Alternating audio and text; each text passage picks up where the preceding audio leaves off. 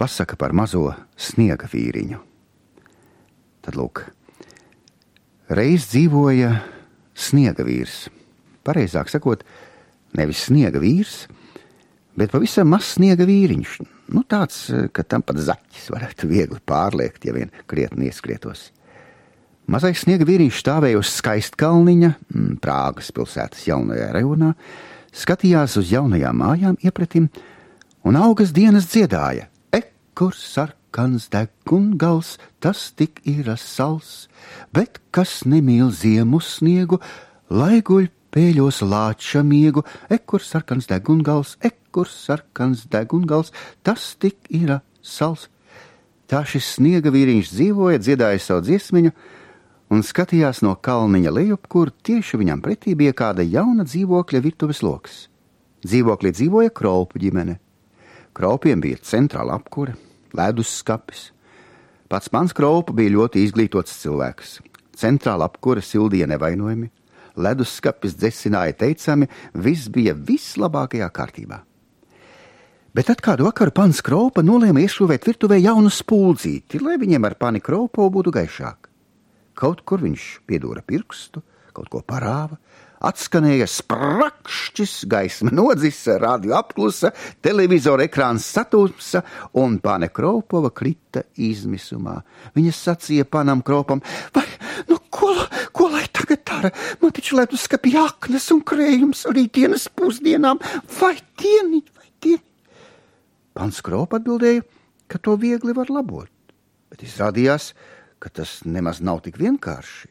Tiesgan, pants Kropa ļoti sīki un pilnīgi pareizi izskaidroja panē Kropovai, ka pie visa vainīgi drošinātāji uzzīmēja, ka tāds drošinātājs uzbūvēts un kā tas darbojas, izrēķināja, kāpēc tas pārdedzis. Hmm, jā. Bet kur drošinātāju atrast, to pants Kropa nezināja. Nekas, nu nekas, gan jau kaut kur atradīsim, gan jau neuztraucies, mīļi. Viņš mierināja pani Kropovu. Taču drošinātāja nekur nebija. Centrāla apkura sildīja un sildīja, bet panei Kropovai leduskapī bija aknas un krējums, un tad pane Kropova aizdedza sveci, nolika to uz galda un sacīja panam Kropam: Ej, labāk pastaigājies, lai, lai mans acis tevi te neredz. Pants Kropa gāja. Varbūt svaigā gaisā nāks prātā, kur meklēt drošinātāju. Tad viņš lenā garā gāja un domāja. Ceļš uzveda viņu skaistkalniņā. No turienes paveras tāds skats, ū, visa pilsēta kā uz dēlnes redzama. Visur deg uguns, radio spēlē, televizori rāda bildītas, ledus skapji visos dzīvokļos citīgi atzesē aknas un krējumu. Vienīgi pie kropiem tik tikko blāvs vecas liesmiņa krējums, gandrīz saskābis, un arī aknām līdz tam vairs nav tālu. Un pāne Kropova pārtvērto logu sauc: Nu kā vai atcerējies, kur meklējami drošinātāji? Bet izglītotais pāns Kropa skaistkalniņā pūš vien.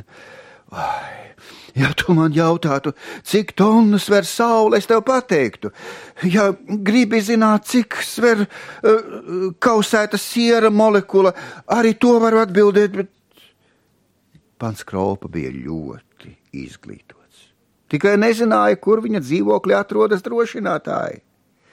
Tā nu viņš klims tumsā pa skaistkalniņu domā prāto, un pēkšņi izdzird tādu smalku, smalku no augstuma gluži aizsmakušu balstiņu – E, paklausieties, vai jūs maz zināt, ka, ka nu jau trešo reizi e, jūs tikko mani nesamināt? Ak, kungs, ak, lūdzu, piedodiet, at, at, atvainojiet, tas bija netīšām. Es ne, negribēju, man jau pietiek ar to, ko, es mājās izdarīju. Vai?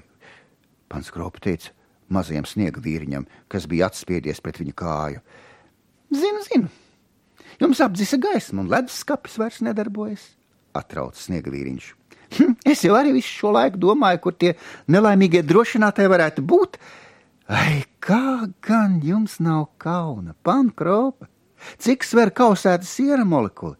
To jūs lūdzu, no galvas zināt, bet vienu spuldzīti kārtīgi ieskrūvēt, to jūs neprotat pat nezināt, kur un kas dzīvoklī atrodas. Un vēl zinātnieks saucoties. Pāns Krops sāk taisnoties, ka viens cilvēks nevar zināt visu, ka viņš jau tā un nu, tālāk un, un joprojām hm, netaisnojieties. Nu, uzsauca mazais sniegvīriņš. Citādi jums patiesi krējums saskāps un izrīkoja panu kropu, lai tas paņem viņa rokās, žigli aiznes mājās un ieliek ledus skapī starp aknām un krējumu. Pants Kropa izdarīja, kā viņam bija teikts, un tūlīt ņēmās meklēt papīru. Jā, vajadzēja taču aprēķināt, cik liela augstuma ražošanas jauda tādam mazam sniega virņam ir. Vārdu sakot, vai tam pietiks augstuma, lai krējums un aknas līdz rītam nesabojātos. Nieciet nost to papīru! Sniegvīriņš teica. Tādā karstumā es ilgāk par pusstundu neizturēšu. Labāk skrieniet žigli pēc sētnieka. Viņš jums pateiks, kur atrodas tie drošinātāji. Pants Kropa aizskrēja pie sētnieka. Sniega vīniņš leduskapī darīja savu darbu, bet pane Kropova atviegloti nopūtās. Vai, vai, vai tā tad rīt pusdienās mums tomēr būs cepta saknes un torte ar putu krējumu? Nepagāja ne piecas minūtes, kad visas spuldzes iedegās. Televizors atkal sāka rādīt bildītes, radio spēlēt, un pane Kropova apmierināta apklusa. Durvīs parādījās izglītotais pants kropa, priecīgi iesaugdamies. Ha, un es visu laiku domāju, kas slēpjas aiz tām dzelzs durtiņām. Mūsu gaiteni iedomājies tik drošinātāji, tie atrodas tieši tur aiz tām dzelzs durtiņām. Panam kropam tas bija liels atklājums. Aiz pateicības viņš atstāja sniega vieriņu savā leduskapī.